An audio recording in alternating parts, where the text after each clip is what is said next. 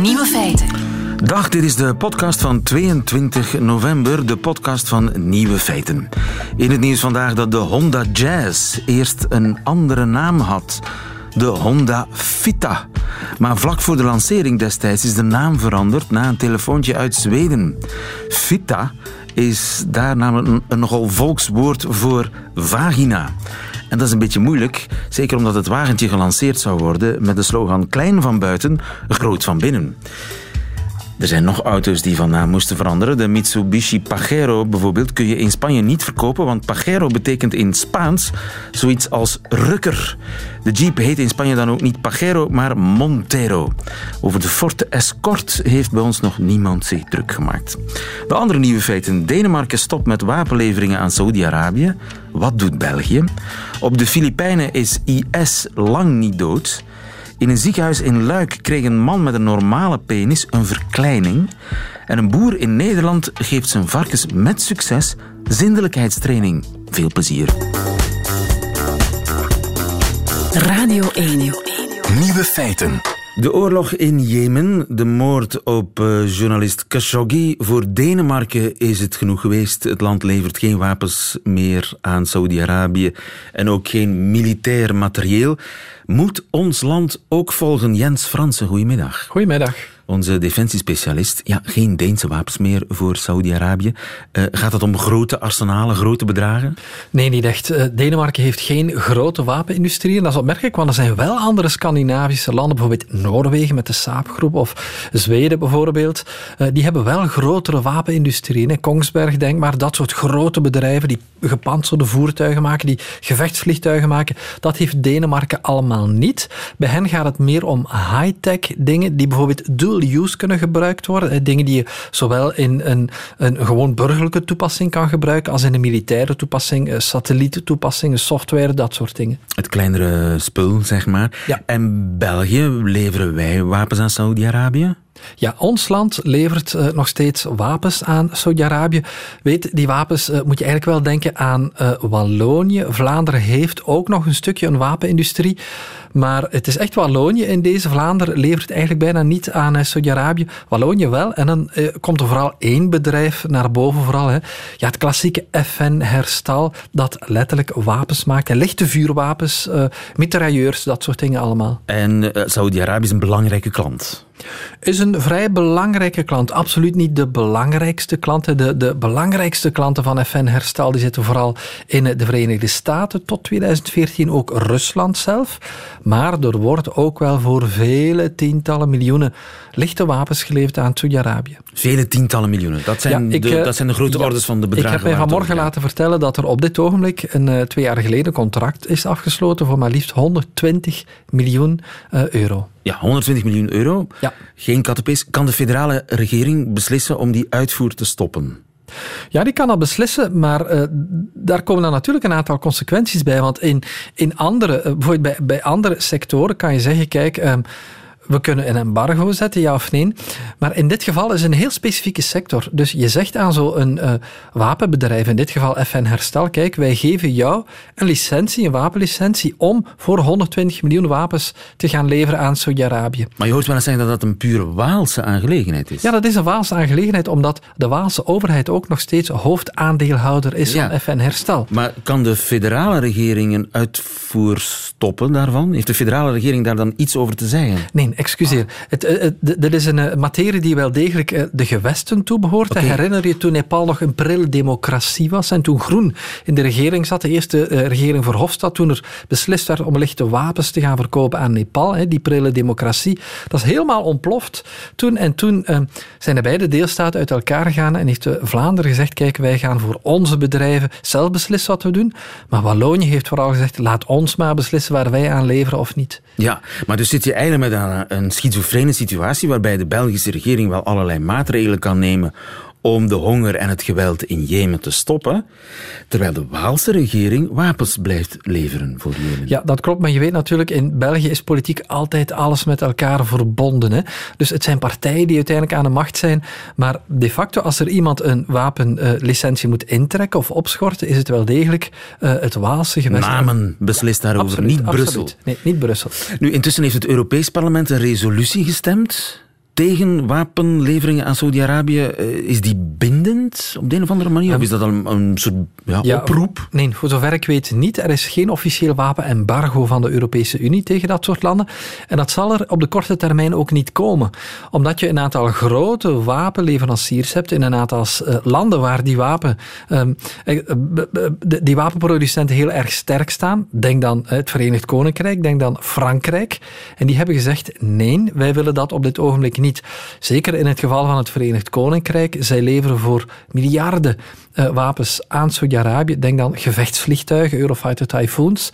Ja, en het Verenigd Koninkrijk heeft andere, katten, andere katten te geestelen dan op dit ogenblik hun eigen export te gaan tegenwerken. En dus denken ze in name, ja, zolang Londen en Parijs niet stopt, waarom zouden wij stoppen? Ja, dat, dat, dat is ook uh, de, de lijn die de Waalse regering volgt. Hè. Die zei, ja, wij zijn voor een Europees verbod en als er een Europees verbod komt, dan doen wij mee. Goed wetende natuurlijk dat dat Europees verbod er helemaal niet gaat komen. Wat doen de Duitsers eigenlijk? De Duitsers hebben in het verleden voor vele miljarden geleverd aan Saudi-Arabië, maar die hebben begin deze week beslist om niet meer te gaan leveren. Dat is toch wel een sterk signaal? Ja, dat is een heel sterk signaal, want er waren contracten voor maar liefst 20 marineschepen die geleverd zouden worden. Let wel, het zijn contracten die opgeschort zijn. Daarom zijn ze nog niet onmiddellijk geannuleerd. Ja, de toestand in Jemen blijft nijpen natuurlijk, terwijl er in Europa tussen allerlei regeringen wordt gebakkeleid over al dan niet wapens leveren aan dat land vol oorlog en vol honger. Jens Fransen, dankjewel. Goedemiddag. Radio 1. Nieuwe feiten.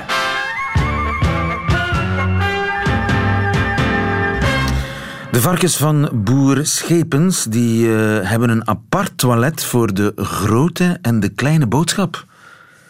Boer Schepens, goedemiddag. Goedemiddag. Ja. Varkensboer, begrijp ik? Ja, klopt, ja. En heeft u een groot bedrijf? Nee, ik uh, heb denk ik in Nederland een van de kleinste varkensbedrijven die er bestaat met slechts 20 zegen. 20? Dat is niet zoveel. Ja. Kun je daarvan leven? Nee, nee, nee. Ja, daar kan ik van leven, omdat ik uh, de berenfok voor uh, wat in België beroemd is als het Duke of Berkshire varken. Dat is een heel speciaal varken. Ja, is heel speciaal varken wat in de toprestaurants in Vlaanderen te vinden is. Ja, ja. En uh, hoe werkt dat bij de meeste van uw collega's? Die uh, hebben varkens en die varkens die laten gewoon ja, alles vallen en lopen waar het valt en loopt, denk ik, hè? Ja, dat klopt, ja. Dat klopt. Dat, dat is wat uh, de meeste boeren zo hebben gedaan in de laatste 25, 50 jaar. Uh, ze hebben namelijk een stal gebouwd, in de meeste gevallen met een roostervloer. En onder die roostervloer, uh, en het is een roostervloer omdat daar de poep en de plas doorheen kunnen vallen, in een diepe put onder die roosters. Echter, uh, bij het ontwerp in de jaren 60, 70 is men vergeten dat wanneer je poep en plas bij elkaar brengt, dat er dan ammoniak gaat ontstaan. Oh, en dat is wat die mest zo vervelend maakt. Ja, dat is wat dus de varkens de reputatie meegeeft van het zijn stinkdieren. Maar dat zijn het van nature juist helemaal niet. Want het varken is in de landbouw het meest zindelijke dier wat we hebben. Biggetjes zijn al twee dagen na de geboorte zindelijk. Nou, ik ken geen mensenbaby die dat in twee jaar uh, redt. Zindelijk, hoe bedoelt uh, u dat, dat, u dat, dat die biggetjes elders uh, hun gevoeg gaan doen dan in het nest? Uh, uh, precies dat, ja. Dus, uh, en helaas hebben we bij dat ontwerp in die jaren 60, 70... hebben we daar misschien nog niet de wetenschap van gehad dat dat zo werkt. Het is pas als maar je poep en plas bij elkaar brengt... dat die mest een probleem levert, oplevert, namelijk ammoniak. Ja, ja de, enkel wanneer de bacteriën die enkel in de mest zitten... Uh, met contact, in contact komen met de urine van dat varken, dan ontstaat er ammoniak. Oké. Okay. Dus, en dus u wou gescheiden afvalophaling als het ware? Hè, dat ja. de, de drollen apart van de plasjes worden opgevangen. Uh, uh -huh, -huh. Dat lijkt mij verschrikkelijk ingewikkeld. dat is echt super simpel. Oh. Ja, ja dat, dat klinkt heel raar als ik het zo zeg, maar uh, het is echt super simpel. Namelijk, wetende dat het varken van nature al zo zindelijk is, hoef je het met een heel mooi woord alleen nog maar een beetje te pimpen.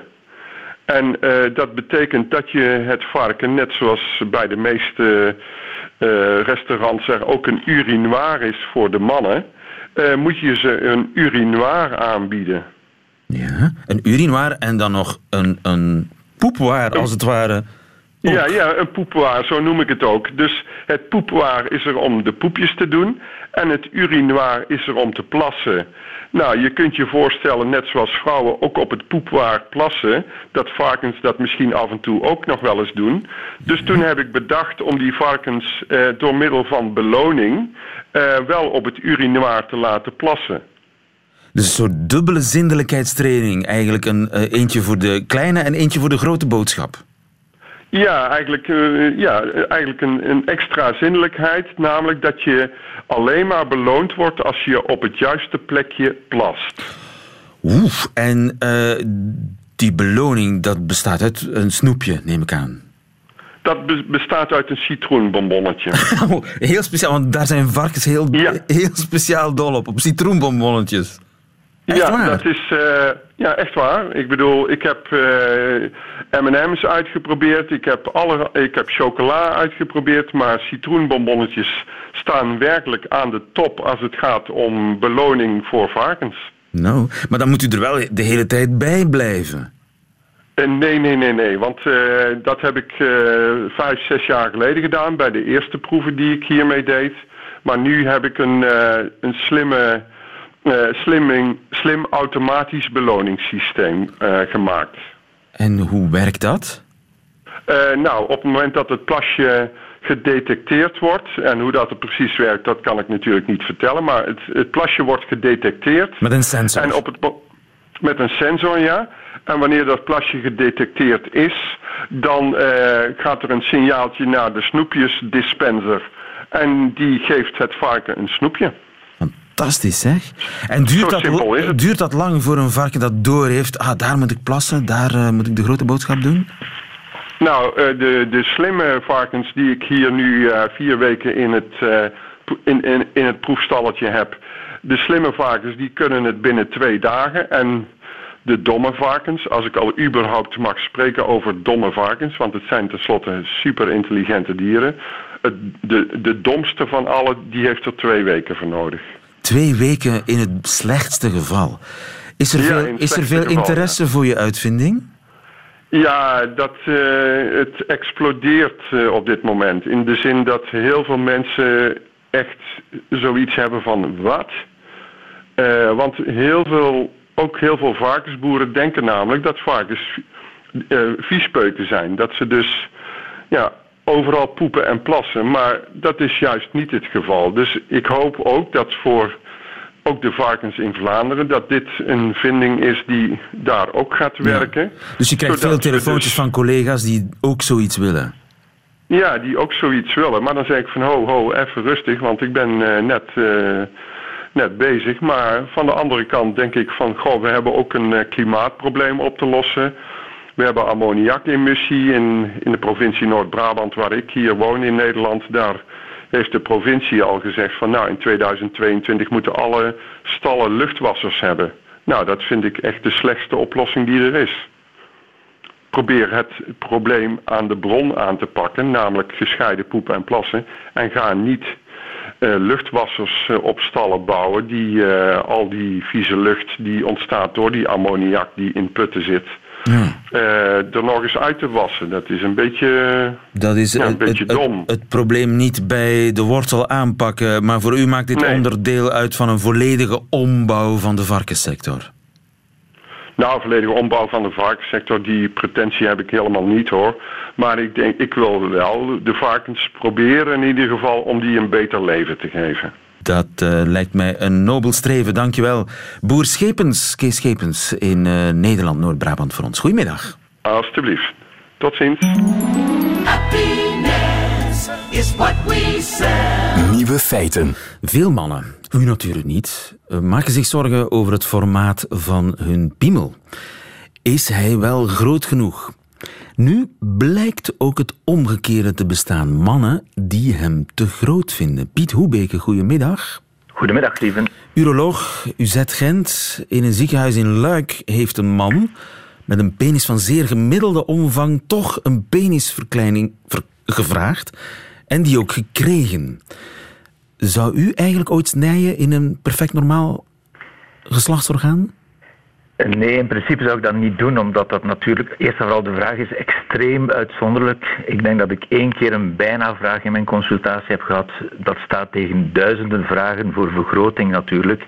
Dus in proportie, de vraag is er weinig, maar ik zou het ook eigenlijk niet doen. Vooral niet bij een normale penis, omdat uh, ja, dan is het hek helemaal van de baan als we nu normale organen beginnen te opereren. Het is wel beschreven in de literatuur voor extreem grote piemels. Nu, het is zeldzaam beschreven. Er zijn twee case reports in de literatuur voor mannen die een echt zeer lange penis hebben en die hem eigenlijk niet omhoog krijgen omdat hij gewoon te groot is of echt geen uh, betrekkingen kunnen hebben. Ja, ja. En hoe groot is dan te groot eigenlijk? Ja, als je boven de 22, 23 centimeter in erectie begint te gaan, dan wordt het echt wel heel lastig natuurlijk. Hè. En dan, dan, dan krijg je gewoon, dan krijg je hem niet hard genoeg, als het ware. Ja, het hydraulisch mechanisme van een penis is ook wel beperkt in, in de mogelijkheden om hard genoeg te worden. Hè. Dus als hij te groot is, dan, dan, dan neemt de erectiekracht op een bepaald moment ook wel af. Ja. En die vraag heeft u bijna gekregen, zei u net. Ja. Wat betekent dat? Het, eigenlijk is de problematiek van mensen die komen consulteren met normale dingen die daar iets willen aan veranderen. Wij noemen dat met een misschien ingewikkeld woord body dysmorphic disorder. Dat is een verkeerde lichaamsbelevenis. En eigenlijk is dat een, een neurose of bijna een psychose waarbij mensen zich plotseling gaan fixeren op onderdelen van hun lichaam. Dat kan een neus, uh, oor, dat kan haar zijn, dat kan uh, de buik zijn, dat kunnen spieren zijn, maar dat kan ook de penis zijn. En in dit geval gaan dus mannen die een vergroting willen hebben vaak body dysmorphic disorder, maar de mannen die een verkleining willen hebben dat ook. Dus zij gaan een normale penis als abnormaal beginnen beschouwen, zijn daarvan overtuigd, geloven dat en versterken zichzelf continu in die belevenis. Als ze voor een spiegel staan, dan gaan ze zeggen oei, mijn penis is veel te groot. En, en ze raken dus psychologisch vast en willen op de duur daar een oplossing voor. Ja, en die oplossing is natuurlijk dat uit hun hoofd praten niet in die piemel gaan beginnen snijden, want dat is, neem ik aan, uh, bij een verkleining kan het, maar het is, risico, het is niet zonder risico. Wel, eerst en vooral, de, de, therapie is inderdaad cognitieve therapie en dan moet je heel langdurig aan, aanhouden. Maar ik denk, deze patiënt heeft wel wat psychotherapie gehad, maar ik vrees dat het niet voldoende was. Want inderdaad, er is wel een risico als je de integriteit van een zwellichaam gaat insnijden, want dat doe je uiteindelijk wel, je gaat toch wat gaan snijden op dat zwellichaam, ja, dan riskeer je erectiefunctie te gaan verliezen. En dat wil je natuurlijk vermijden, hè? zeker voor een, voor een normaal functionerend orgaan. Dat is toch uh, bijzonder moeilijk met je eigen idee van ik ben een arts, ik moet iets uh, genezen. Dat is niet echt genezen als je risico loopt op uh, erectiezwakte nadien. Ja, en vergrotingen, vroeger werd dat af en toe wel eens uitgevoerd, hè? Ja, maar dat zijn. Kijk, vergroten kan niet, laat het heel duidelijk zijn. Uh, vergroten bestaat niet. Er bestaan allerlei fake-operaties waarbij men ligamenten doorsnijdt, de penis wat dieper laat hangen, wat vet injecteert. Maar het lijkt allemaal op niets. En er zijn grote onderzoekingen daarover gedaan. Meer dan 95% van de patiënten die dit hebben ondergaan, zijn niet tevreden en gaan verder in hun therapie en zoeken opnieuw chirurgie en blijven maar in die sukkelstraat zitten. Want dat is wel typisch voor de body dysmorphic disorder en ik heb het bij deze casus eigenlijk ook gemerkt. Uh, de man heeft na zijn penisverkleining ook een balzakverkleining gekregen omdat hij de proporties niet meer juist vond. Nu, als deze proporties nu ook niet juist zijn, dan vraagt hij binnenkort een bijkomende penisverkleining om dan weer een balzakverkleining en dan ben je vertrokken voor een eindeloos aantal operaties met finaal een, een, verlies van penis, denk ik. Ja, ja. Grote vraagtekens achter die operatie in uh, Luik, begrijp ik. Dankjewel. In ja. het UZ van Gent voor ons, uroloog Piet Hoebeke. Dankjewel. Dankjewel. Goedemiddag. Dag. Radio 1. En u die dacht dat uh, IS verslagen was, op de Filipijnen zijn ze kennelijk springlevend. Dag Lennart. Hallo. Goedemiddag, Lennart Hofman. Jij bent journalist bij De Correspondent. Momenteel ben je in Indonesië. En recent was je nog op de Filipijnen, uh, waar je het met je eigen ogen gezien hebt. IS leeft. Hoe heb je dat gemerkt? Um, ja, het is uh, vooral in het zuiden van de Filipijnen. Daar ben ik naartoe gereisd om eigenlijk te kijken wat er nog over is van groepen die verbonden zijn aan, aan de Islamitische Staat. Die hebben een jaar geleden eigenlijk de Zuid-Filipijnse stad Marawi ingenomen. Toen was er heel veel aandacht ook voor, voor IS op de Filipijnen. Daarna zijn ze verdreven. En toen dreef de aandacht eigenlijk ook een beetje weg. En ik ben eigenlijk teruggereisd om te kijken wat er nog van over is. En uh, ze hebben tijdens die slag om Marawi hebben ze miljoenen uh, dollars buitgemaakt in die stad. En dat gebruiken ze eigenlijk nu om zich te hergroeperen. Dus, dus hebben ze zich eigenlijk teruggetrokken? Waar hebben ze zich teruggetrokken? Weet je dat? Ja, in verschillende regio's. Het, mijn machtsbasis zit eigenlijk op Sulu. Dat is een eilandengroep. Daar ben ik ook geweest. Daar is Abu Sayyaf heel sterk. Dat is een uh, hele beruchte kidnapbende eigenlijk. Die ooit is begonnen als een onafhankelijkheidsbeweging. Een van die commandanten heeft trouw gezworen aan uh, Baghdadi in 2014. Die heeft, daarna heeft hij ook de aanval geleid op uh, Marawi. Maar er zijn ook nog verschillende andere lokale strijdgroepen. Want in, in het zuiden van de Filipijnen is eigenlijk al 70 jaar een oorlog gaande. Tussen de voornamelijk christelijke regering en allemaal islamitische opstandelingen. Die meer autonomie willen in de regio.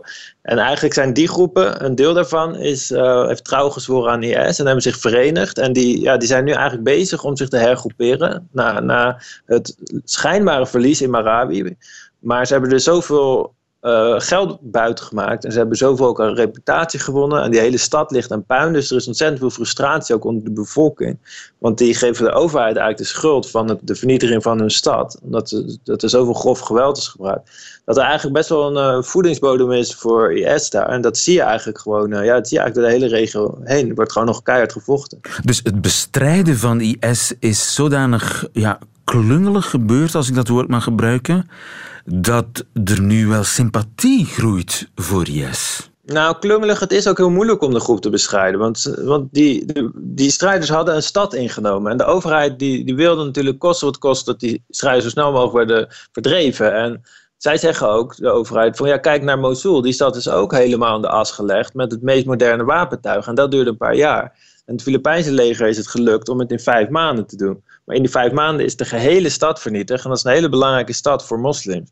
Dus die, die, die, uh, die lokale bevolking is daar echt ontzettend boos over. Want die vragen zich af, was het echt nodig om onze zo belangrijke stad in de as te leggen? Dus daar is heel veel onvrede. En het leidt niet direct tot, tot dat iedereen zich aansluit bij IS natuurlijk. Maar je hebt maar een kleine groep nodig en dan, uh, ja, die kan tot grote dingen in staat. Ja, ja, en die spanning tussen de regering en de moslims was eigenlijk uh, a priori al de voedingsbodem voor het succes van IS. Ja, ja dat is iets wat al, al een 70 jaar durende oorlog die nooit stopt. Dus dat is een gigantisch wantrouwen tegen de overheid.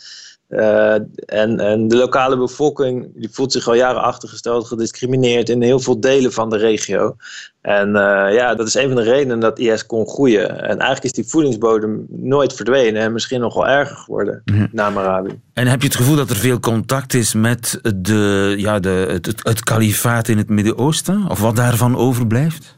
Ja, dat is moeilijk te onderzoeken. En uh, ik heb, dat hebben natuurlijk wel geprobeerd. Ik heb, wel met, ik heb met veel mensen gesproken daar ook. En er zijn wel vermoedelijk verschillende buitenlandse strijders in de regio. Ze, ze, schatten ongeveer een hele kleine groep, een groep of tien. Dus dat wat veel mensen zeggen. Maar ik heb ook wel eens mensen gesproken die hebben die mensen ook echt van dichtbij gezien. Dat waren ook voormalige strijders. En die zeggen wel van ja, die paar die, die hebben een grote invloed op de mensen om hen heen. Die hebben een grote invloed ook op de lokale leiders die hen ook volgen. En ze hebben vooral ontzettend veel geld. En als ik ook kijk naar onderzoeken die zijn gedaan, dan zie je ook wel dat er heel veel directe verbindingen zijn tussen de Filipijnen en het kalifaat. En er wordt ook wel gesproken dat de het afgelopen jaar, of eigenlijk na die aanval op Marawi, ongeveer 100 buitenlandse strijders hebben geprobeerd om naar de Filipijnen af te reizen. Deels tegengehouden op vliegvelden, maar een deel is het mogelijk wel gelukt. En het is eigenlijk moeilijk te zien uh, hoeveel dat er zijn. Maar als ik jou zo hoor vertellen, lijkt het alsof het nieuwe IS-hoofdkwartier op de Filipijnen zal herreizen. Nee, dat, dat, dat geloof ik niet. Het is echt voor een deel nog steeds een lokaal conflict. En veel mensen sluiten zich ook echt wel aan door die, door die, lokale, die lokale problemen die er nog steeds zijn. En uh, daar speelt IS eigenlijk wel op in. En ze proberen op die manier ook strijders te ronselen. Maar zonder die lokale problemen, dat zouden ze nooit zo goed kunnen groeien. Maar dat is eigenlijk ook het gevaar van IS. Want zij zoeken precies dit soort conflicten op om daar naartoe te gaan om te zeggen: wij zijn degene die jullie echt helpen, wij zijn degene die, die, jullie echt kunnen vertrouwen. Ze hebben geld, ze hebben een ideologie, ze spelen, daar, ze spelen in op lokale eh, gevoelens van onvrede en daarvoor hebben ze, ze eh, daar winnen ze steun bij, bij vooral jonge mensen, ook uit stedelijke middenklasse, maar ook arme mensen die niet goed weten wat er speelt. Die heb ik ook al gesproken in, uh, in vooral Sulu, de eilandengroep er waren strijders die eigenlijk onderdeel waren van Abu Sayyaf. Die hadden trouw gezworen aan IS. Maar die jongen zelf wist dat helemaal niet, dat er trouw was gezworen. Ja, er is ook heel veel naïviteit en onwetendheid. Maar acht jij de kans groot dat er een nieuw mini-kalifaatje ontstaat op de Filipijnen? Een nieuwe stad helemaal in handen van IS?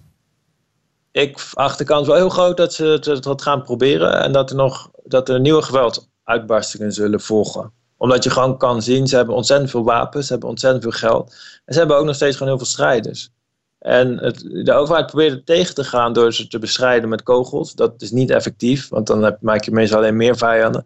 En ze proberen nu ook wel wat meer programma's op te zetten om mensen onderwijs te bieden, werk te geven. Maar dat gaat traag, er is corruptie, er is een gebrek aan kennis ook over, waar, over ja, hoe die problemen eigenlijk ontstaan. En ik denk niet dat die, die ontwikkelingen gaan zo traag dat ik me afvraag of dat echt binnen hele korte tijd allemaal heel goed functioneert. En tot die tijd blijft het In elk geval. Dankjewel, Lennart Hofman op de Filipijnen. Goedemiddag. Nieuwe feiten. Middagjournaal. Dus, vandaag is het precies 50 jaar geleden dat het allereerste exemplaar van The Beatles van de Beatles werd verkocht in een winkel. Het album dat de bijnaam The White Album kreeg, omdat de cover nu eenmaal volledig wit was. Een geniaal idee, want in 1968 hadden de mensen nog minder smaak dan nu, met een veelkleurige, drukke hippie prints van bloemen, regenbogen en tal van andere motieven die best mooi zijn als je ze isoleert, maar gooi alles op een hoop en je bekomt een cacophonie waarbij je enkel kan denken, amai, geïsoleerd is het toch beter dan gecombineerd.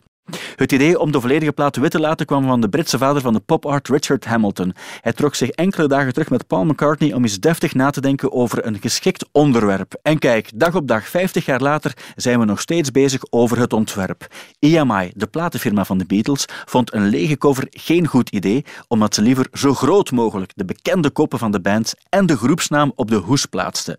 Op die manier bestond er geen discussie over wiens liedjes er op het vinyl te beluisteren waren. Een cover moet een plaat als een reclameaffiche. Laat deze leeg en je laat toch een promotionele kans liggen, wat zonde is bij deze goudhaantjes.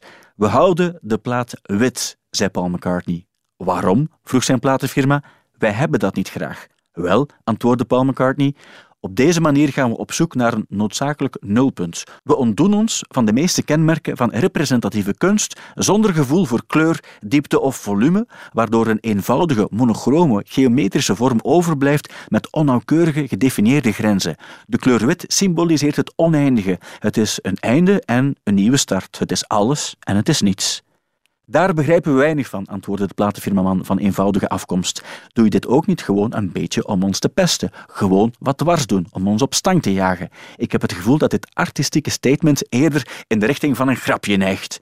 Dat speelt ook mee, antwoordde de Beatle. Ik ben altijd wel te vinden voor een mop, zeker als mijn grapje door tientallen miljoenen mensen wordt gekocht. Ik krijg daar een kick van. Maar, laat ons eerlijk zijn, als wij een witte plaat vragen, eventueel met een nummer op, moeten jullie dat gewoon doen. Want wij zijn de fucking Beatles, de koningen van de wereld. En jullie zijn een platenfirma. Vervangbaar en bestaande uit grijze figuren die werken met getallen en weinig kaas hebben gegeten van artistieke concepten en mafkezerij. Dus doe nu maar gewoon wat ik jullie vraag, kleine slaven. En zo geschiedde. De Beatles van de Beatles bleef wit, al kon de platenfirma toch niet laten om buiten de wil van McCartney en Hamilton om toch nog even de bandnaam in relief in de hoes te drukken. En zo was op de persoon die alle albums ook nog van een nummer moest voorzien na, iedereen moe, maar tevreden.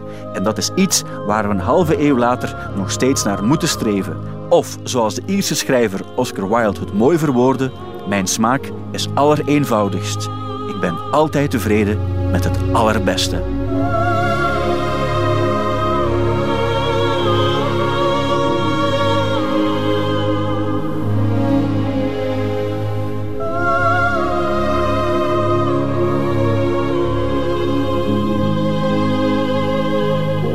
Het Middagjournaal met Stijn van de Voorde.